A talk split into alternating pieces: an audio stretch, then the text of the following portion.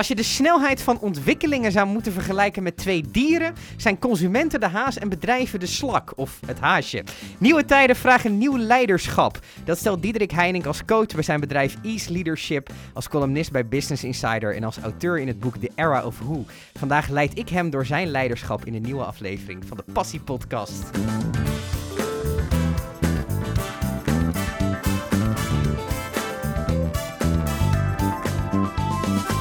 Diederik, fijn dat je er bent. Uh, wat vind jij zo interessant aan leiderschap? Laten we daarmee beginnen. Hi Stefan, ja goed om hier te zijn. Um, wat vind ik zo leuk aan leiderschap? Nou, het, het, het, het mooie is, en daar gaat natuurlijk uh, uh, mijn boek over, ik vind dat bedrijven en, en dus met name leiders, uh, of niet dus, maar dat zal ik je zo uitleggen waarom, maar, en met name leiders, zo ja. moet ik het zeggen, um, veel meer kunnen doen om een positieve impact te leveren. En dat, dat gaat over, over duurzaamheid en veel breder dan dat, maar dat is helemaal niet mijn enige thema. Maar in de brede zin, kijk, we hebben tot nu toe altijd heel erg over de, de why gehad. Hè? Simon Sinek heeft ja. dat natuurlijk geïntroduceerd. Ja, nou, ik zeg, dat is helemaal goed natuurlijk, maar uiteindelijk die echt het verschil maken, dat is de hoe, mm -hmm. uh, de wie, het leiderschap. En uh, uiteindelijk hangt het toch, uh, je kunt een prachtige visie en een prachtige why hebben. Die, dat behandel ik overigens ook in mijn boek. Maar ja, het is mijn, in mijn ogen een no-brainer dat uiteindelijk de mensen, de leiders, of dat nou ondernemers zijn of de CEO's van grote bedrijven of, of ander management, hè, dat hoeft helemaal niet de baas te zijn. Mm -hmm.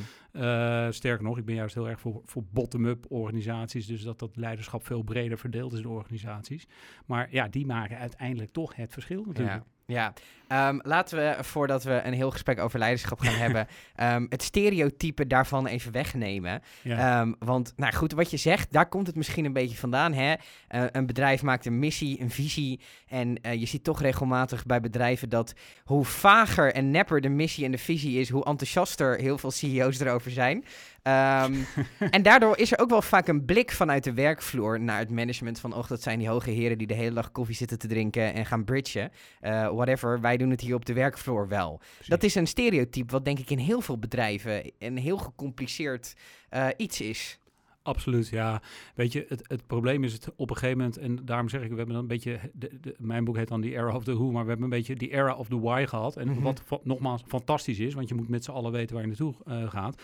Maar het, het moet niet een, uh, een PR-verhaaltje zijn natuurlijk. Ja. Het moet niet een, een, een, een uh, door consultants uh, zoals ik, nee, maar door consultants bedacht, dat, daarom zeg ik het ook expres, door de buitenwereld zeg maar bedachte visie zijn die het bedrijf dan bij wijze van spreken opgelegd wordt. Nu zal dat niet altijd zo gebeuren, want er moet altijd wel draagvlak zijn. Maar dat laatste, dat is wel echt essentieel. En sterker nog, niet alleen draagvlak in, een, in, in, in de boardroom mm -hmm. natuurlijk, maar juist door de organisatie heen. Dus ik, ik zou juist zeggen, je moet ook veel meer intern uh, het net ophalen en, en, en vragen wat er bij mensen leeft en waarom uh, zij bij het bedrijf werken, et cetera. En zo krijg je natuurlijk echt het DNA naar boven, of hoe je het wil noemen, maakt niet uit. Maar waar staat dat bedrijf nou voor en waar staan jouw mensen voor en wat wil je nou ja, welk verschil wil je gaan maken in de wereld of uh, hoe groot die wereld dan ook is voor jou. Je noemde net de boardroom al even. Ja. Um, het is natuurlijk, er is heel lang door heel veel bedrijven vooral gefocust op die boardroom. Om die boardroom maar happy te houden. Ja. En de aandeelhouders gigantische dividenden te kunnen. Um, maar dat is ook belangrijk voor een bedrijf. Voor heel, die aandeelhouders die zorgen ervoor dat het bedrijf überhaupt uh, kan bestaan, zeg maar.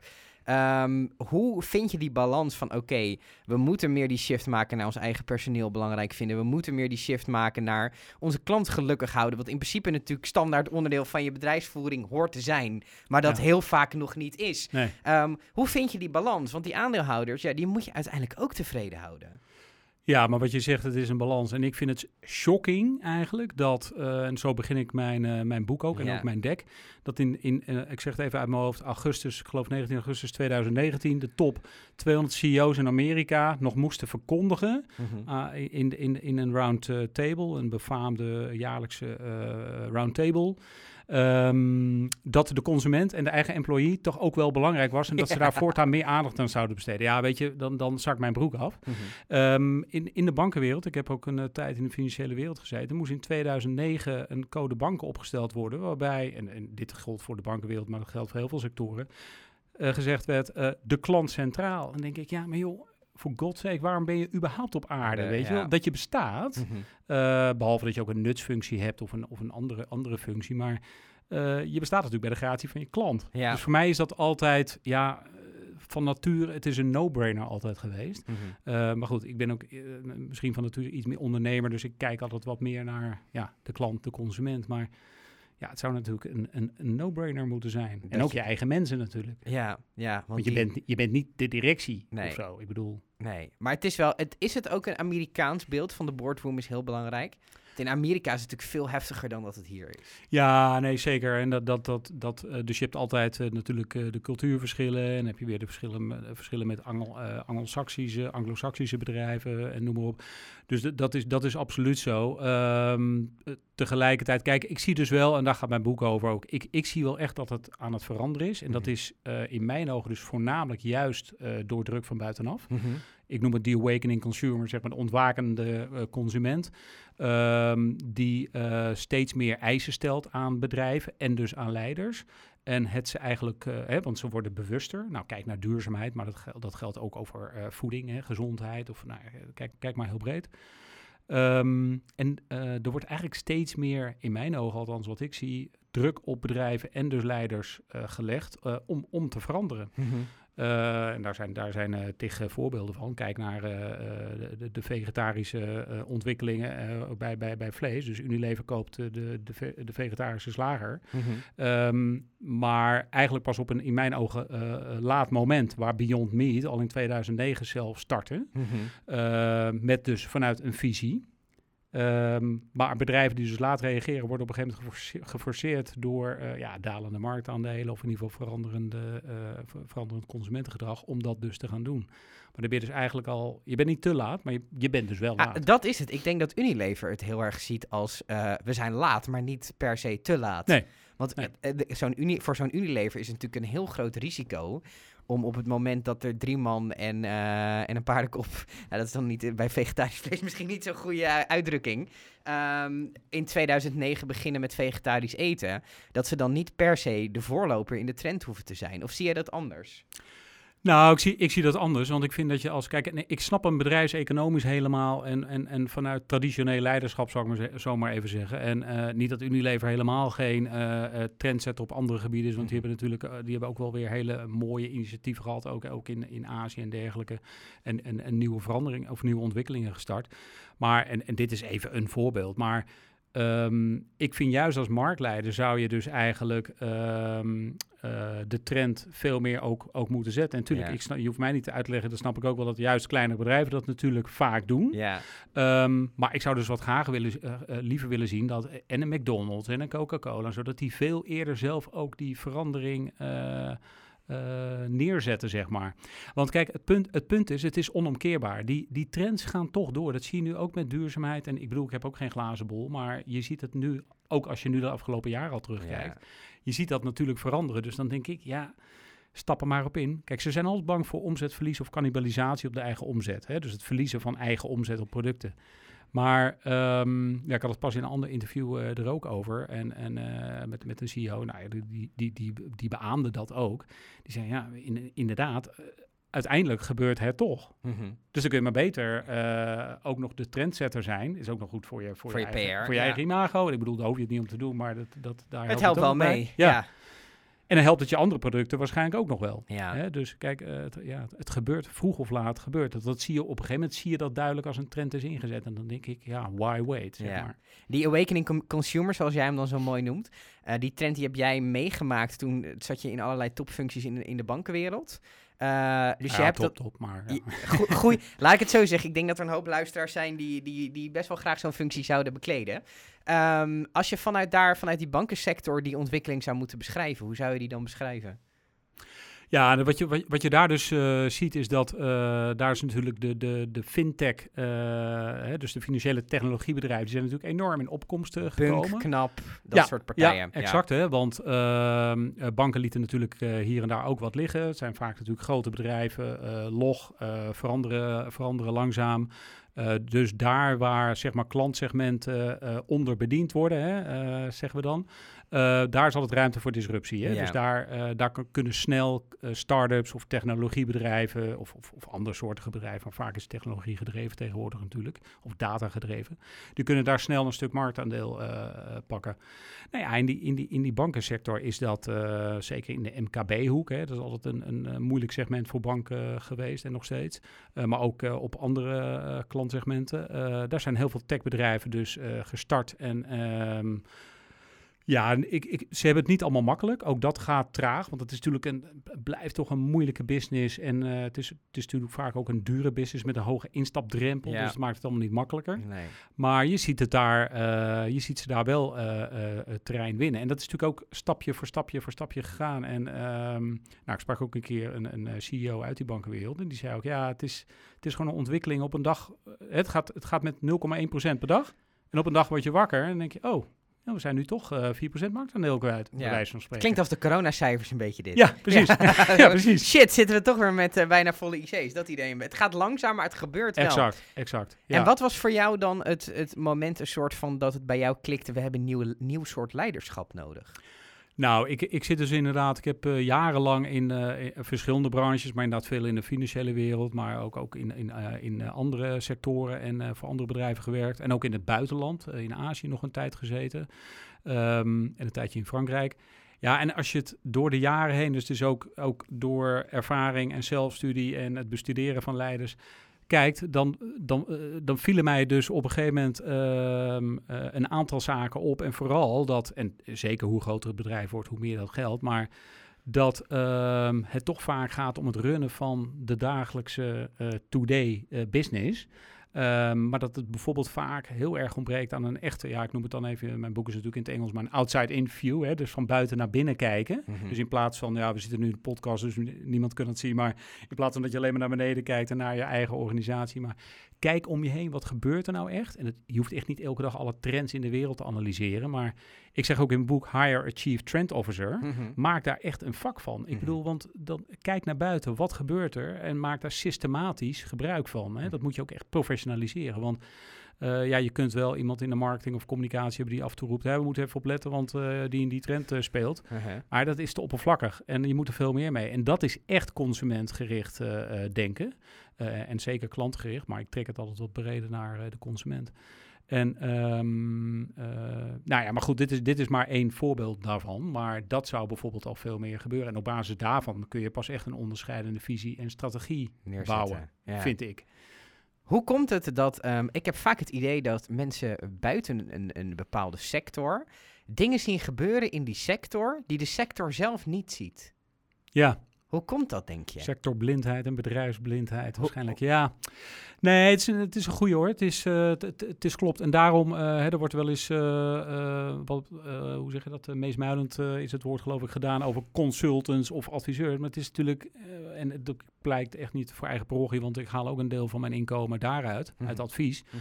Maar het helpt vaak natuurlijk heel goed om mensen van buitenaf, zeker als ze wat ervaring hebben in, in, in, in, in dat vakgebied om ze mee te laten kijken. Want je ziet op een gegeven moment ook um, je eigen fouten of je eigen valkuilen. Die zie Hoe je niet. komt dat?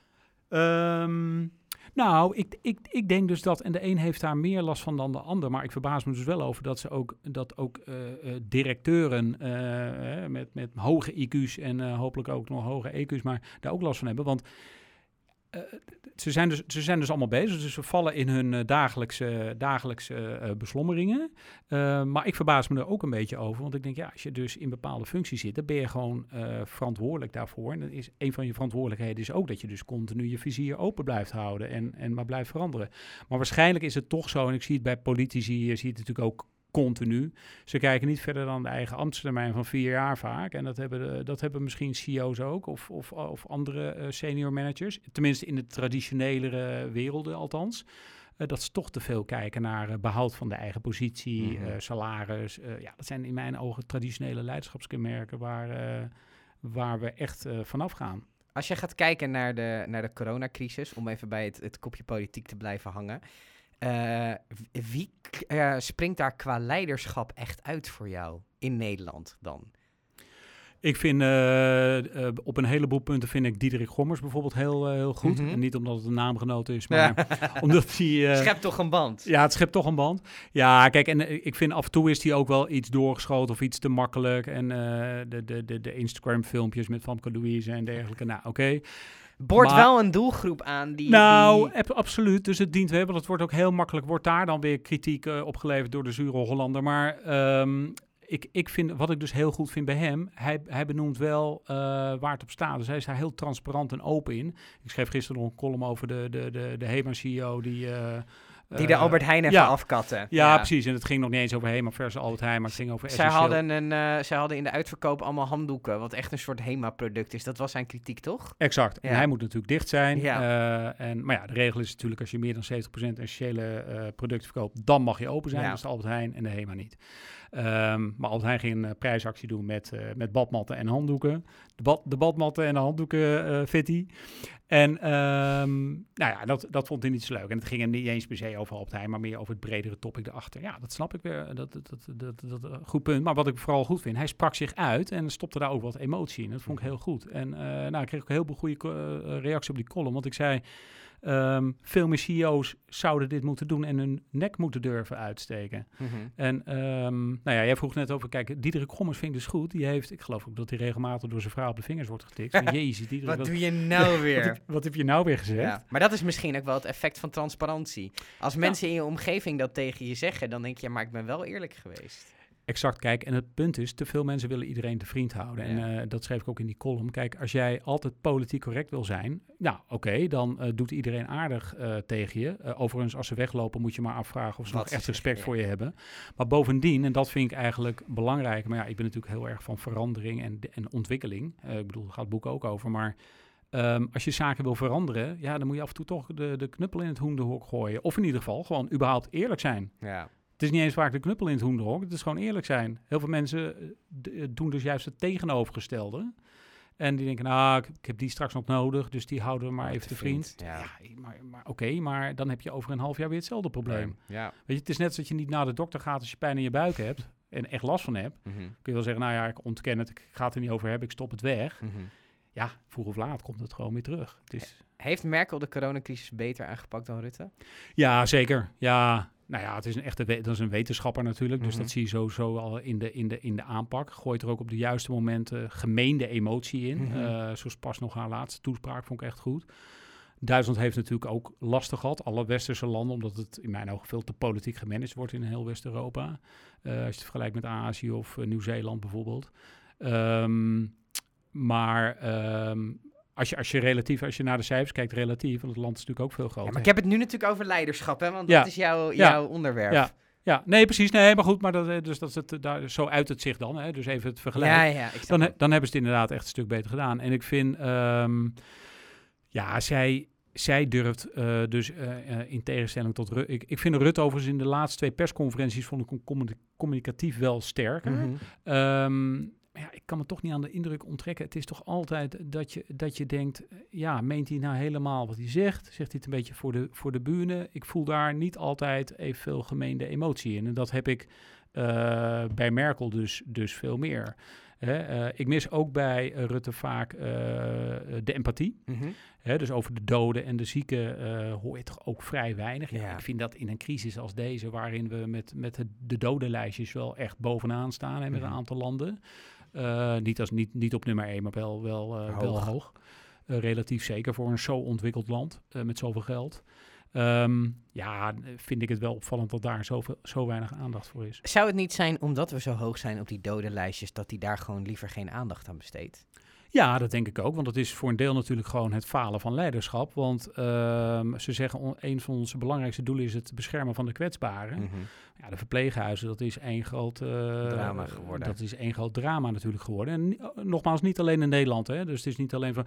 Maar zijn er in ieder geval niet in, en niet alleen in de verpleeghuis trouwens, maar we zijn daar dus niet, niet in geslaagd. En het is te makkelijk om te zeggen, ja, maar die pandemie is ook niet te controleren. Want nee. ja, ik bedoel, ik kan even wat voorbeelden opnoemen. Korea, Taiwan, Singapore, Nieuw-Zeeland, noem maar op. Mm -hmm. En dan komen mensen met allerlei excuses. Het zijn eilanden. Eilanden, autoritaire regimes. Nou, no way. Dat is, dat is helemaal niet zo, in, in, niet in alle gevallen althans. En ja, individualistische versus collectief, collectieve maatschappijen, daar zit zeker wat in. Die discussie had ik van de week nog met een, met een vriend van mij. Um, maar dat, wil, dat is geen volledig excuus natuurlijk, voor, uh, voor uh, hoe het gegaan is. Is het de irritatie die er nu een beetje is over Rutte, komt die niet misschien ook uit het feit dat, dat hij te weinig hand en wat jij natuurlijk heel erg benoemt, wees transparant, ja. durf ook je eigen fouten toe te geven. En eigenlijk wat we nu een beetje bespreken is, ja, dat dodental, dat noemt hij dan niet, waarschijnlijk omdat het niet zo goed is. Het is toch heel erg met het vingertje wijzen naar, uh, is, is dat waar de irritatie nu vandaan komt? En, en kan je dat qua leiderschap beter doen door transparanter te zijn? Ja, nee, is een goed punt. Ik denk dat dat, dat, dat er zeker mee te maken heeft. Um, uh, überhaupt ook dat het allemaal lang duurt en aanmoddert. En dan weer een lockdown en weer een verlenging. En, uh, en mensen komen er nu ook wel achter dat we misschien toch eerder wat harder moeten, uh, hadden moeten ingrijpen. In, maar ik denk, ik denk dat ook, absoluut. excuses maken. Nou ja, je ziet ook bij de toeslagenaffaire. Dat is allemaal heel, heel moeizaam. Um, ja, en ik denk dat dit toch wel een, een uh, en ja, dat is ook weer die ontwakende consument. En mhm. consument bedoel ik gewoon de mens, uh, mens mee. Hè? Alleen ik schrijf vooral over bedrijven, dus daarom noem ik het consument. Maar dat gaat ook om uh, kiezers bijvoorbeeld. Um, mensen die eisen toch steeds meer van leiderschap en ook van politieke leiders. Dat ze toch ja, uh, empathischer, opener, transparanter. Uh, dat zijn wel echt de waarden die we volgens mij veel meer gaan zien bij leiders en moeten gaan zien. Kan, kan de politiek iets doen aan het? Je hebt natuurlijk mensen nu um, die. Uh, ja, ik weet niet of ik dit politiek correct moet noemen of niet, maar uh, alternatieve feiten, nou ja, gewoon die bepaalde onzin tegenkomen en daarin fake news en daarin gaan geloven. Kan de politiek daar iets mee, denk je? Um, nou, dat is natuurlijk wel een hele lastige, want je kunt die eh, mensen moeilijk uh, helemaal de, de, mond snoeren of uh, als je dat bedoelt, of, of het... Nou, dat lijkt me niet een goed plan, maar... Nee, precies, precies. Maar um, kijk, het, ik vind dat, uh, en dat is het voordeel met een uh, Merkel, die dus zelf ook wetenschapper is, die op een gegeven moment ook in die video's gewoon heel helder en stap voor stap, maar op een hele duidelijke manier en, en goed on, on, uh, inhoudelijk en feitelijk uitlegt hoe zo'n zo'n besmettingsgraad, zo'n R werkt bijvoorbeeld, mm -hmm. hè? Of, of hoe überhaupt het, de exponentiële groei werkt of, of het virus zich verspreidt. En dat hebben wij ook niet. En het is door, um, doordat ook communicatie niet altijd even, uh, even duidelijk is, uh, hou je dus ook, geef je dus meer ruimte aan uh, complottheorieën en complotwappies, om, om maar te roepen. Nou ja, en ik vind ook wel een rol aan de, aan, aan de media. Want ik bedoel, soms heeft Willem Engel nog gewoon in een tv-programma gezeten of een interview gehad of, of andere mensen van wie je denkt van, nou oké, okay, moet dat nou? Ja, waar haal je dit vandaan? Ja, dat is ook niet altijd verstandig. Ik vind, ik vind dat een crisis als deze veel meer centraal, uh, en ik weet dat we geen communistisch regime zijn, maar veel meer centraal geleid zou moeten werden, worden. Want we hebben het over een pandemie waar gewoon veel doden vallen, maar ook veel uh, zieken vallen, waar een economie enorm hard geraakt wordt. Dus daar zou je veel meer in een crisisregime uh, uh, moeten schieten, zeg maar. In plaats van dat het politiek gemanaged wordt. Daar kan ik echt met mijn pet niet bij. Gaat leiderschap enorm veranderen na die coronacrisis? Want we gaan wel in een heel ander soort fase komen daarna. Nou, ik, ik, ik geloof niet zo dat, dat uh, het in één keer daardoor heel erg verandert. Veranderingen gaan sowieso altijd uh, langzaam. Hè. Dat gaat nooit overnight. Dat, gaat, dat gaan, gaan nou ja, jaar, maanden in ieder geval, maar waarschijnlijk jaar, jaren overheen. Maar ik denk wel dat uh, corona een aantal trends wel heeft, uh, heeft versneld. Kijk, bijvoorbeeld een hele simpele digitalisering heeft ook een enorme vlucht uh, natuurlijk genomen. ik bedoel, dat was er natuurlijk al enorm, maar dat is alleen maar sneller gegaan. Ehm, ineens moesten bedrijven en organisaties maar dat, ook dat vraagt uh, weer een ander uh, leiderschap. Want een deel daarvan blijft natuurlijk wel gewoon. Hè. En, en, kijk naar het hybride werken bijvoorbeeld. Dat wordt natuurlijk ook gewoon nieuw. We, we gaan heus niet allemaal thuiswerken, maar uh, het wordt wel ergens ertussenin. Ja, een jaar geleden waren denk ik nog 90% van die organisaties die gewoon zeiden, er wordt hier niet thuis gewerkt. Ja, precies. Ja, en dat, dat gaan we natuurlijk wel anders zien nu. Ja, dat absoluut. Ik, ik zag nu een paar bedrijven in mijn nabije omgeving. Uh, Exact en uh, ING, uh, Randstad geloof ik ook. Rabobank volgens mij ook flink zijn kantoren ja. flink... ik weet niet of jij de Rabobank mag noemen, maar... ja hoor, ja, tuurlijk, tuurlijk, Ja, nee, ik, ben, ik ben vrij. Heel goed. nee, en die hebben allemaal al aangekondigd dat, dat, dat, ze hybride gaan werken in, in, in, in meer of mindere mate. En in de meeste gevallen betekent dat dat mensen vooral de keuze keuzevrijheid hebben. En ik denk dat dat een hele goede is en belangrijk voor ook zeker jongere generaties. Nou, jij bent, uh, jij bent ook jong nog.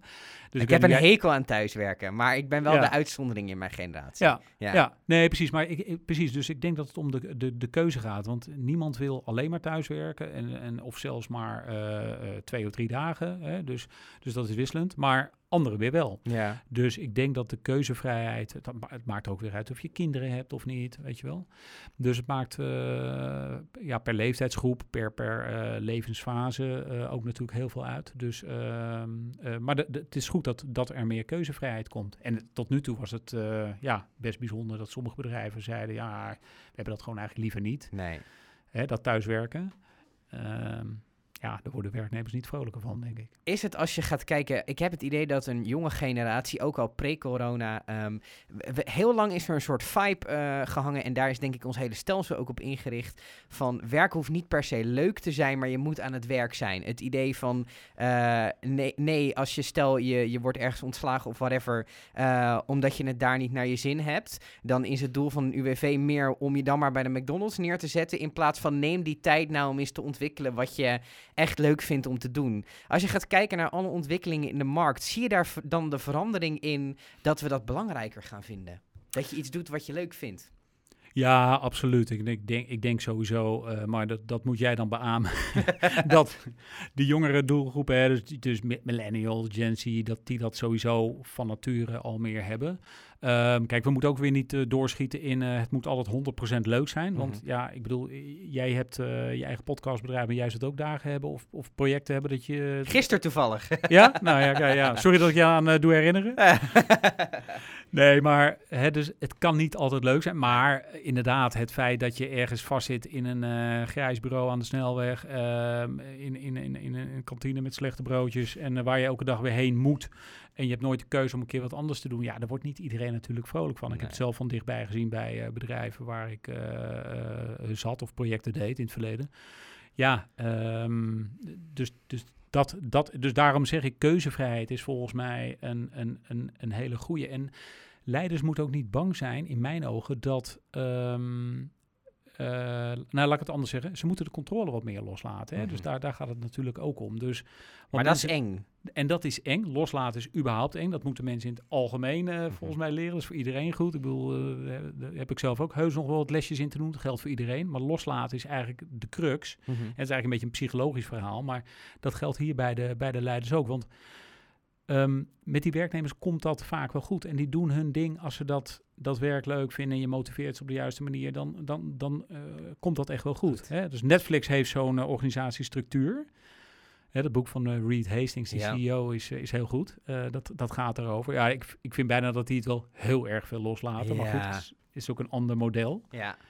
Maar ja, het, die mensen krijgen gewoon een zak geld en dan is het zes maanden later, laat maar zien wat je gemaakt hebt. Dat ja, is het ongeveer. toch, Ja, ja. zo ongeveer. Ja, ja precies. Ja, wel heel, uniek. Heel uniek. En dat is dus dat, is dus dat, uh, dat bottom-up. Dus daar geloof ik sowieso ook wel heel erg in. In plaats van dat, dat ze van bovenaf, dus top-down, zeggen van yeah, jij gaat dit doen. Nou ja, ik bedoel, daar zijn we volgens mij wel een beetje voorbij. Maar ja, vergis je niet, hè, dat gebeurt natuurlijk nog steeds wel in een heleboel bedrijven. Um, maar dat meer van onderaf, uh, dus het leiderschap, uh, dus ook verspreiden door de organisatie eigenlijk. Hè, dat is ook wat je doet. Je verlegt leiderschap natuurlijk. Dus het is ook veel meer, ja, noem het uh, horizontaal leiderschap. Heb ik dus een hoogleraar het zien noemen. Maar het, het, gaat eigenlijk nog veel verder wat mij betreft. Want je, je verlegt leiderschap, het versnippert zich eigenlijk door de hele organisatie heen. Ja. Alleen je hebt dat natuurlijk een bepaalde sturing nodig. Anders wordt het, uh, het is geen uh, speelplaats. Waar, moet uiteindelijk wel geproduceerd worden. Ja, en anders uh, precies moet je ergens anders gaan werken. Maar ik bedoel, je, je bent met z'n allen op weg naar een bepaalde, bepaald doel. Hè? Je bent een bepaalde visie en missie, daar zijn we weer. Aan, het, aan het invullen als het goed is, waar je, waar je hart voor hebt en waar je wat mee hebt. En uh, ja, nou ja, dat. Ik, uh, het, ik kreeg in jouw boek heel erg het idee dat je heel erg uh, fan was van, ik spreek haar naam de verkeerd uit, Jacina Aldrin. Oh, het is een beetje, er zit een beetje ja. accentje in natuurlijk. Ja. President van uh, Nieuw-Zeeland. Premier, ja. premier, ja, is het, is, mag het president, premier? Minister-president ja, is het Wat maakt haar zo bijzonder? Ja, ik vind dit een typisch uh, uh, leider nieuwe stijl. Dus uh, zij is uh, in, in de coronacrisis in ieder geval heeft ze een aantal dingen getoond. En dat is echt een combinatie van transparantie. Dus heel open in haar communicatie, maar ook heel duidelijk. Mhm. Dus niet als een, een lieve vrouw, of het had ook een man kunnen zijn, maar ik bedoel, als een lief mens, oh, leuk de boel een beetje bij elkaar houden, maar gewoon wel heel duidelijk. Mhm. Uh, dus bijna meer Merkel-achtig op dat punt.